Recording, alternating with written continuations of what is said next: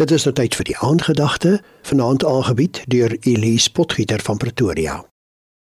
Goeienaand luisteraars. Daar was eendag twee vriende. Hulle het besluit om 'n gevaarlike dog belangrike reis aan te pak.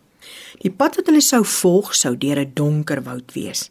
Hulle besluit toe om bymekaar te bly ongeag wat op die pad gebeur. Nie baie diep in die woud nie, sien hulle 'n beer. Uit vrees spring die een vriend in 'n boom en klim tot heel bo. Die ander vriend besef hy gaan dit nie betyds maak nie. Val toe grond toe en maak of hy dood is. Toe die beer die vriend op die grond nader, ryk hy aan sy oor en stap weg. Uit die boom vra die vriend: "Wat het die beer vir jou gesê?" "Wel," antwoord die vriend. "Die beer het my geadviseer om nie met vals vriende om te gaan nie."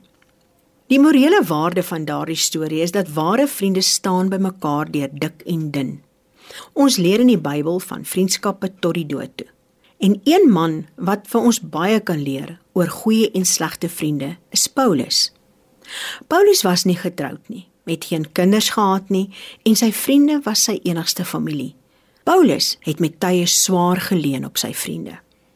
Van hulle het gewoonlik waar hy in die tronk was, ook in dieselfde dorp as hy gaan bly om hom van kos en voorraad te voorsien. Ons lees dat daar altyd iemand was wat hom emosioneel en fisies versorg het. Paulus verduidelik egter vir ons in 2 Tessalonisense wat ons moet maak met 'n vriend of 'n broer wat nie saam wil werk nie. Hy sê: "Onttrek julle aan elke broer wat leeg lê en hom nie hou aan die opdragte wat julle ontvang het nie. Maar julle mag hulle nie soos 'n vyand behandel nie, nee, sonder daardie man af dat hy skaam kry en wys hom tereg soos 'n broer."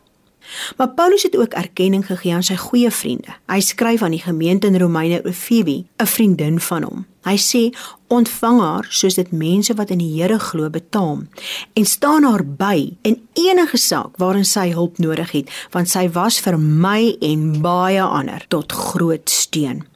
Hy gaan verder deur die gemeente te vertel van Priscilla en Aquila wat hulle lewens vir hom gewaag het. En dan stuur hy groete aan sy liewe vriend Epitenes en aan Maria wat baie moeite vir hom gedoen het. Andronikus en Joas wat saam met Paulus in die gevangenis was, sê hy is hoog aan te beveel. Amper in elke een van die boeke wat Paulus geskryf het, praat hy oor sy vriende. Hy gee erkenning vir wat hulle vir hom gedoen het en spreek hulle aan as hulle moontlik van die pad afgedwaal het. En daarom is ons gebed vanaand Vader in die naam van Jesus Christus seën my vriende en seën my sodat ek 'n goeie vriend sal wees. Amen. Dit was die aandgedagte hier op RSG aangebied deur Elise Potgieter van Pretoria.